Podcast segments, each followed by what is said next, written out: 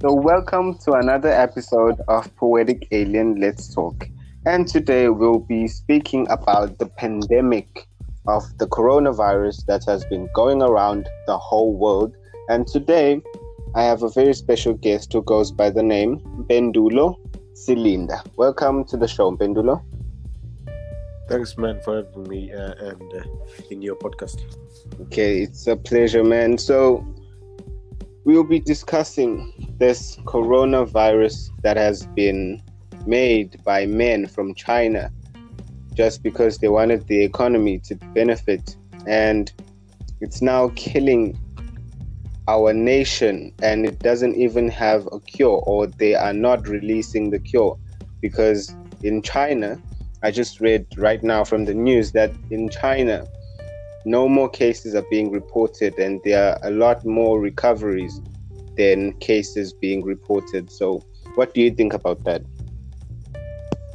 Uh, first of all, man, uh, I think what you're saying now, uh, this thing being man made, is, is a speculation because all you hear uh, uh, because we are we are very far from China. We are not even living in China, uh, which means we get access uh, of, of the knowledge of whatever that's happening in China through them through media. media can be uh, truthful media can be the the other way around as well we know that but now what i can say based on this pandemic it is affecting many countries many countries premiers of uh, uh, uh italy now do not know, do not know what to do uh, because of uh, this pandemic now looking at you to reading this news that the, the, the, more cases of recoveries the, the, cases of recoveries are increasing at a higher rate than those of eh, eh, eh, cases being report reported rather. It's, it's something that's good, but now why wouldn't China share what they were doing uh, in order to curb this thing? Because now this thing is actually the same. You see, Italy. Is, is crying. Italy is crying. Italy trusts on the Lord now. It's just looking. They do not know what to do. You know, this thing is just a, a, a bad one. Yeah, that's because in China they found like what can what I can say is a, a cure, but not actually a cure. It's like a syringe or injection so that they can recover, but they're not sharing it with the rest of the world. A vaccine. Yeah, vaccine, but they're not sharing it okay. with the rest of the world because they want people or us countries, even though we are like third world countries, to pay billions for this vaccine. So, what do you think about that? Uh, man, it is being selfish of these other countries that have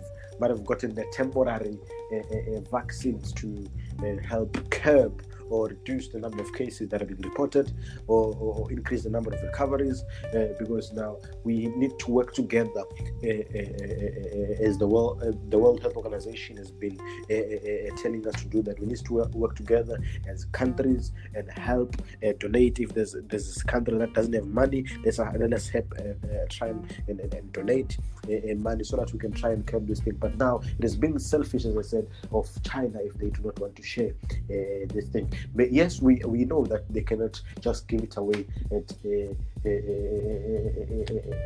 free, on a free basis. But now eh, eh, they have to. They can sell it to us. Eh, they can sell it to these countries, but with the consideration that it is not they, they're not supposed to make profit with this thing. They're not supposed to make mm-hmm. profit. Mm-hmm. Rather help the country, uh, the other countries. That's true, and the more the most like depressing part or the most sad part is that people, innocent people, are like, bruh, they are the ones suffering, especially poor people, especially here in South Africa. People are selling like vegetables on the streets and whatever.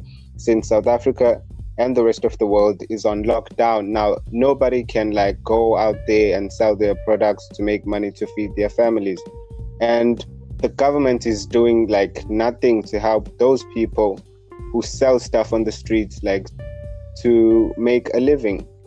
So, what do you think the government should have done or should be doing to prevent people from starving to death? Uh, taking back to taking it back to the speech, man, of uh, uh, our honorable uh, commander in chief, Uh, uh, President Cyril Ramaphosa, he did mention that he'll, he will help, uh, or that the government will help SMMEs, uh, these small businesses, so that they do not suffer during this process. Now, we have these informal vendors. We have seen what a wonderful thing the Honorable Member, or rather, let's say, uh, Somizi Mhlongo, that he has done. He just went and bought one of the things, one, one, one of, of, of, of the stocks of the vendors. But another person also commented that uh, uh, uh, so Mizo wasn't supposed to to you to buy the stock. He was rather supposed to give those people money so that when they come back again with that, with that stock, they make more money. But now that's not what we directed to. Um, we, we Cyril Ramaphosa uh, has opened, or rather, let's say the government has opened a, a solidarity fund uh, to try and, and, and, uh, to get people to, to, to, contribute to that fund. You go if you if, if, if you want to contribute, for example, if I have, for example, thousand rand, I want to contribute www.solidarityfund. Uh uh, uh, uh, then I'll go there and, and I'll get the banking details. I, I think it, it, it is managed by uh, two people who are chairing it. Uh, obviously, the other one is the deputy chair. But now, uh, uh South Africa, it has it's it's not a lot that it can do to help uh, uh, these vendors, these informal vendors, uh, because now if you are regarded as an informal vendor, then now we do not know you if you understand what I'm saying, would not know you. You are not in the list of yeah. South African uh, people who, who, who who are business people. But now the good thing is that you are an entrepreneur, but the one that's informal. Eh, eh, it's not easy for South Africa to cater for them because now also the funds that are coming into the Solidarity Fund website eh, they help to, to, to, to, to curb this coronavirus. For example, we're going to be buying many things such as the gloves, the, the masks, the, the everything that's going to help us. that's going to help the doctors to not, not, not be infected. That's going to help. as you as you've heard, the, on, on Cyril Ramaphosa's speech, that on the road, not not not not a speech, but on the info, additional information that he said he said will be published. That when you go uh, when you go to a certain store, you'll pass a few roadblocks, if not one.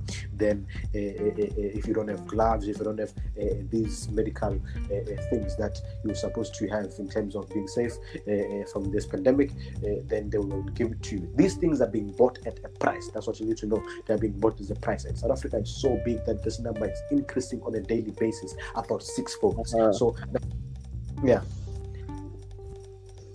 But the most tragic part, I'd have to say, is that South Africans are treating this as a joke because I've been watching videos and on the news there are people saying that they won't stop working because they have to like feed themselves and their families and we still see videos of people like in parties singing about the coronavirus which is actually a very deadly disease, but people are taking it very lightly, thinking that it is a joke. But what's your take on that? Main man, uh, looking at this thing, I cannot judge the people on that because now, yes, South Africa uh, uh, uh, has, uh, uh, or the media has, has had a very uh, bad impact on South Africa. It was all it's all jokes most of the time. They do not respect the president whatsoever. But now, due to this thing, coronavirus is something that is new. Yes, we've had this listeriosis uh uh, uh, uh, uh, things, but they were not as bad as coronavirus. Coronavirus is something that's new. So now people are finding it hard to adjust that this thing is real. As you can see, I think in Western Cape, there are people that still don't believe that this coronavirus is real. In Kingdom of Eswatini, in, in Swaziland, there are places, workplaces where workers are forced to go and work. About 35,000 of them. They are forced to go and work. I cannot mention the place. They are forced to go and work there. I read the news as well, which might not not be true and may be true at the same time. Uh, they are forced to go and work without uh, giving any uh, healthy precautions or healthy. Um, material for health material such as uh, these gloves that I've mentioned and these masks, uh, uh, sanitizers, which means the number of people that will be infected will increase dismally.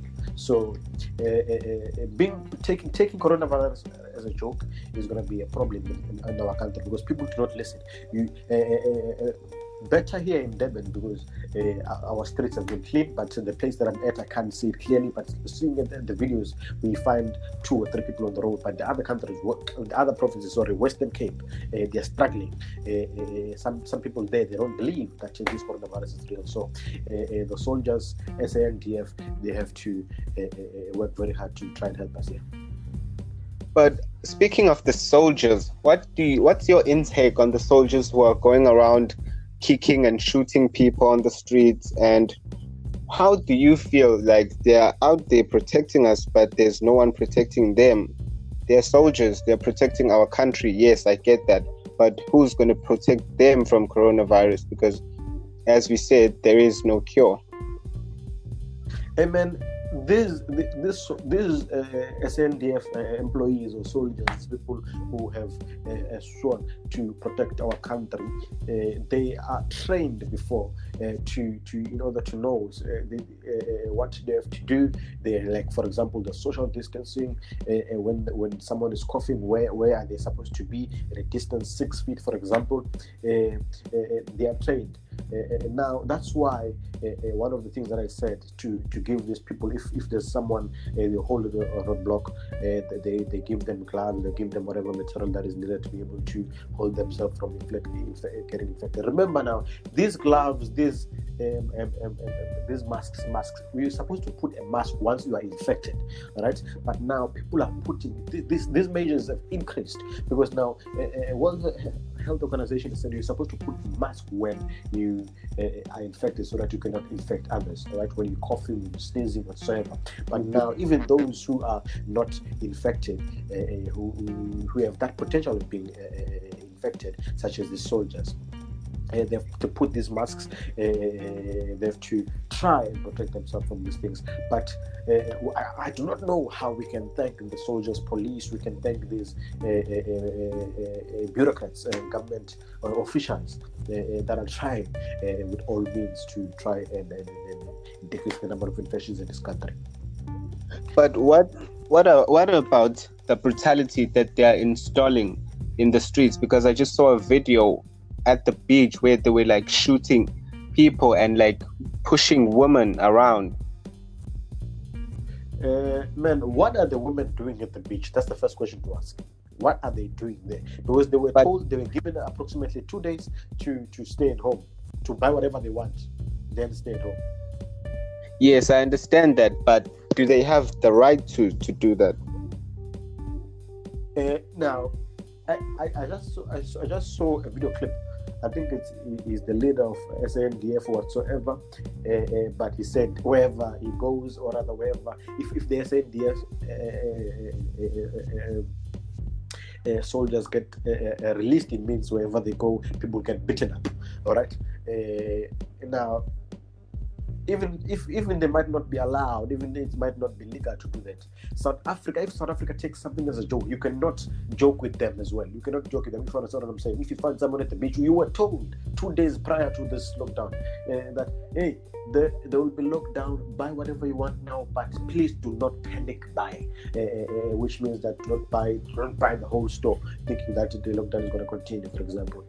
uh, because there will be regular deliveries as other stores have mentioned. But now I think it's good that uh, they punish these people not in the bad way because now most of the, some of them are going to be arrested. I just saw a video, a metropolitan vehicle officers where they put some other a, eh, a, eh, eh, a, guy who lives in the streets, he looks like, well, back in the van, because Cyril Ramaphosa had mentioned that people who do not have homes would be put in some places, which I don't know where. Okay, thank you very much for your time, Pendula. And let me give you the five steps to not get or stop the prevention of coronavirus. The first one is hands, wash them often. Second one, elbow, cough into your elbow. Third one, face, do not touch it. Fourth one, space, keep safe distance. And fifth one, please stay at home. Thank you, Bendula, for joining us, and I hope it's we meet welcome. again next time. Thank you, thank you again, Rishan. Thank you. Sure.